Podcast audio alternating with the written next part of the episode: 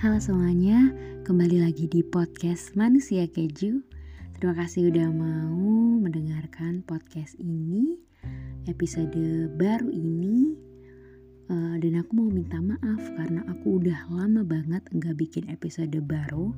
Semoga kalian bisa memakluminya karena memang ada beberapa hal yang harus dikerjakan sehingga aku belum sempat untuk membuat episode baru. Tapi tenang, kali ini aku akan menyapa kalian lagi dengan salah satu topik yang akhir-akhir ini terjadi padaku.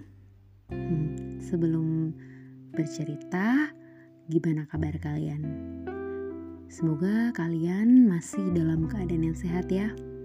Aku harap uh, dalam kondisi seperti ini kita semua tetap berusaha untuk menjaga diri dan menjaga orang-orang terdekat dan tersayang kita. Kali ini aku mau bahas tentang gimana akhirnya aku nyerah juga.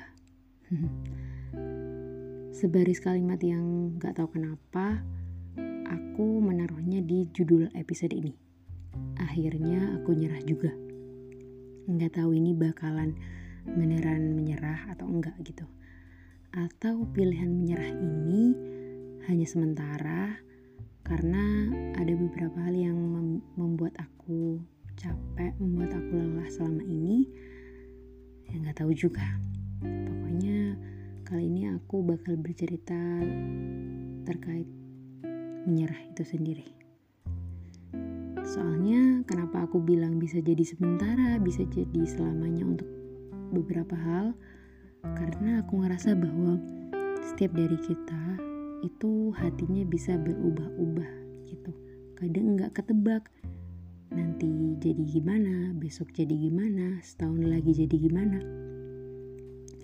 Jadi bulan ini adalah bulan yang spesial bagi aku karena bulan ini adalah bulan kelahiran aku tepatnya bulan Agustus, bulan ke-8. Tapi ada hal yang berbeda dari tahun ini. Dari bulan Agustus ini, aku menemukan sesuatu yang gak terjadi di tahun Agustus sebelumnya. Jadi di bulan Agustus sebelumnya, aku merasa bangga sama diriku sendiri. Selama sebulan, aku menjadi manusia yang produktif tiap harinya gitu ya meskipun mungkin ada satu dua hari yang aku nggak seproduktif itu seproduktif itu itu diksi apa gitu intinya ya mungkin ada beberapa hari yang aku kurang produktif tapi secara keseluruhan pada bulan Agustus itu aku mencoba memberanikan diri untuk menjadi orang yang selalu produktif karena aku merasa bahwa aku harus memberi kado untuk diriku sendiri pada saat itu, tahun 2020. Eh, saat itu aku semacam punya gairah, semacam punya rasa yang menggebu-gebu gitu untuk melakukan sesuatu. Dan tentunya nggak semuanya berjalan mulus, tapi aku bisa melewatinya. Bahkan di hari ulang tahunku saat itu, aku mampu melakukan lima agenda dalam sehari. Gitu. Bagiku itu sesuatu yang cukup membanggakan. Pada saat itu aku sangat bangga sama diriku sendiri. Dan untuk sekarang aku melihat diriku sendiri di akhir bulan ini, di akhir bulan Agustus, tepat tanggal 25 saat aku membuat rekaman ini saat aku menulis hal ini, aku merasa bahwa diriku jauh berbeda dari sebelumnya. Begitu banyak hari yang terlewatkan, tetapi hari-hari yang terlewatkan itu hanya dilewatkan dengan banyak kegundahan, kesedihan, tangis, dan sedikit dibantu oleh distraksi aku mencari distraksi dari luar dari luar diriku seperti menonton video di internet, di YouTube, mengikuti berita yang sedang trending, atau sekadar mendengarkan lagu yang di situ aku berharap mampu menggantikan tangis, tapi malah membuatnya semakin pecah. Kalian pernah nggak kayak gitu? Kalian niatnya mau memutar lagu ini supaya makin tenang, tapi malah bikin jadi nangis gitu. Uh, sesekali juga bercerita kepada kawan-kawan, tapi sekarang aku sudah mengurangi frekuensi bercerita aku ke orang lain. Karena sebelumnya aku adalah manusia yang cukup oversharing. Aku sangat suka bercerita ke banyak orang hanya sekedar untuk mendapatkan pengakuan atau validasi. Bercerita bukanlah sesuatu yang buruk, tetapi ketika kamu bercerita dan ekspektasi kamu terlalu tinggi, kamu maksa orang lain untuk mendengarkan sesuai dengan apa yang kamu inginkan, itu nggak akan pernah terjadi. Maksudnya nggak akan pernah terjadi adalah nggak semua berjalan mulus sesuai ekspektasi kamu. Gitu. Hingga akhirnya ketika aku bercerita sama banyak orang, nggak ada seseorang pun yang bisa memuaskan kepalaku. Jadi, akhir-akhir ini, tiap malam sebelum tidur, aku selalu berusaha menenangkan isi kepalaku. Aku ngerasa bahwa kayaknya ada yang membebani gitu di kepala. Bahkan sebelum rasanya beberapa hal itu di kepalaku bertengkar, aku udah menyiapkan banyak kata-kata untuk segera memeluk diri sendiri. Uh, maaf, mungkin lebih tepatnya aku sudah menyiapkan beberapa kata afirmasi agar aku bisa memeluk diriku sendiri ketika ada pertentangan di kepalaku. Kayak kata-kata, Gak apa-apa, bisa kok kamu. Kamu hebat bisa bertahan. Maafin ya orang-orang yang bikin kamu sedih. Terima kasih ya udah tetap berjalan. Enggak, semua ini bukan salah kamu. Enggak kamu. Dan banyak kata-kata yang lain. Setelah beberapa pertarungan yang ada di kepala tiap malam dan kalimat yang aku usahakan itu tadi supaya bisa meredam aku semakin bingung sama diriku sendiri aku semakin mempertanyakan banyak hal tentang diri sendiri merasa bahwa pertarungan di kepala dan diriku ini belum benar-benar berakhir dan belum bisa aku atasi sendiri. Mungkin ini terdengar konyol bagi beberapa orang yang sudah menganggap dirinya dewasa dan mampu mengatur emosinya. Tapi ini bukan hal yang remeh bagi diriku sendiri. Ini sesuatu yang sangat besar, sangat penting, karena hal ini selalu menjadi sesuatu yang bisa menghabiskan banyak air mata setiap malamnya, menghabiskan energi. Bahkan hal ini tuh bisa bikin aku lupa sama hal lain gitu. Aku lupa sama apa yang aku sukai bagaimana aku berkarya bagaimana aku menulis dan sebagainya. Dan mungkin teman-teman di sana juga pernah mengalami hal yang sama sampai lupa caranya untuk melakukan sesuatu yang sebelumnya sudah kita lakukan Jadi rasanya benar-benar kayak aku lupa sama diriku sendiri. Dan sebenarnya hal ini sudah pernah terjadi sebelumnya. Di tahun lalu juga di awal tahun. Tapi ketika aku ingat bahwa hal ini pernah terjadi, aku merasakan bahwa oh iya ya, kan aku sudah pernah mengalaminya gitu. Kenapa aku harus melakukan hal ini lagi? Kenapa aku harus sedih lagi? dan sebagainya gitu. Perasaan sedih itu makin mendapatkan penolakan dari diriku sendiri. Jadi rasanya kayak udah double kill gitu.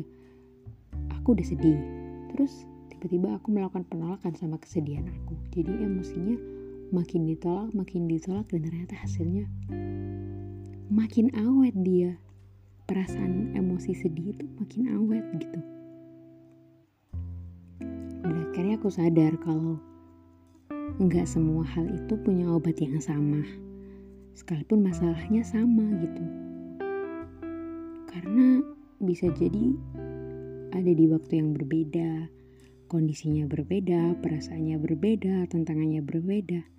Sehingga obat penawarnya juga bisa berbeda gitu.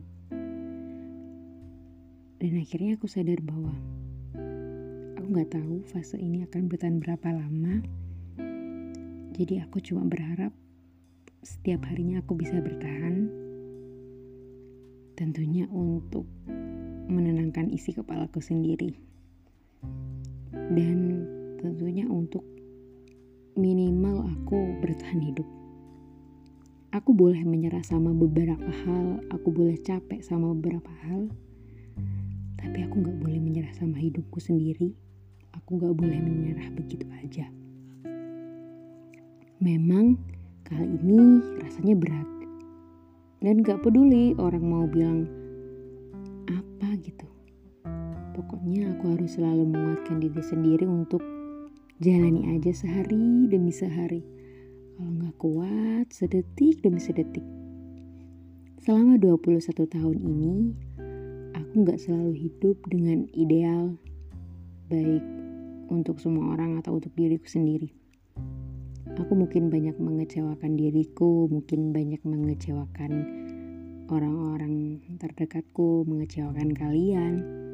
Tapi satu hal yang membuat aku tetap bertahan yaitu ternyata ada orang-orang yang sayang banget sama aku atau mungkin sayang banget sama kamu untuk kamu yang masih bertahan dan meskipun orang-orang tersayang itu gak banyak, tapi hal itu harus bisa cukup untuk membuat kita bersyukur.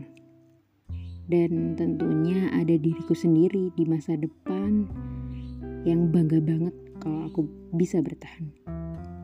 Dan untuk diriku sendiri yang hendak berusia 21 tahun yang hendak mengingat hari kelahiran. Enggak apa kalau di tahun ini rasanya enggak sebaik di tahun sebelumnya. Menurut idealmu atau ideal orang lain. Tapi aku bangga sama kamu. Karena kamu bisa jujur sama diri kamu sendiri. Kalau mau sedih silakan, kalau mau nangis silakan. Boleh. Ketawa boleh, senyum boleh, terserah mungkin tahun ini ujiannya beda.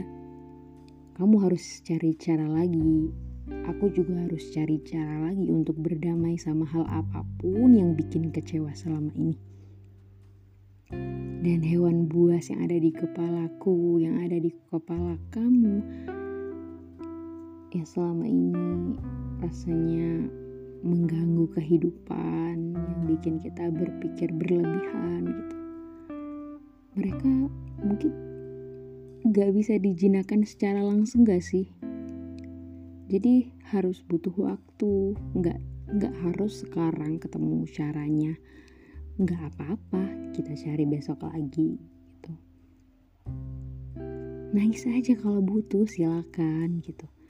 Dunia kalau nggak tahu juga nggak apa-apa. Mau dunia bilang kamu kayak anak kecil gitu. Nggak apa-apa udah. Mereka nggak tahu gitu jadi terima kasih buat kamu yang ngerasa bahwa mau nyerah mau nyerah mau nyerah udah nggak kuat. Tapi akhirnya kamu merasa tetap bertahan terima kasih banget. Dan intinya apa ya di posisi aku saat ini aku nggak tahu akan bertahan seperti apa lagi. Aku nggak tahu fase ini akan berlangsung berapa lama. Tapi intinya di posisi yang saat ini aku berharap aku masih punya kebijaksanaan dalam menyikapi ini semua. Terima kasih sekali lagi tetap bertahan selama ini. Terima kasih untuk menjaga diri sendiri dan menjaga orang-orang terdekat orang-orang tersayang kalian. Dan terima kasih sekali karena sudah menonton atau sudah melihat atau sudah mendengarkan konten-konten dari podcast ini. Jangan lupa mampir juga di Instagram podcast ini yaitu podcast manusia kecu aku sayang banget sama diriku sendiri sama kalian. Dan aku berharap kalian semua bisa bertahan terima kasih sekali lagi mohon maaf kalau di episode kali ini masih banyak kurangnya kalau ada kritik dan saran silakan langsung kirim aja DM ke IG podcast.manusiakeju. Sampai jumpa di episode selanjutnya. Semoga kita semua tahu caranya untuk tetap bahagia. Dadah.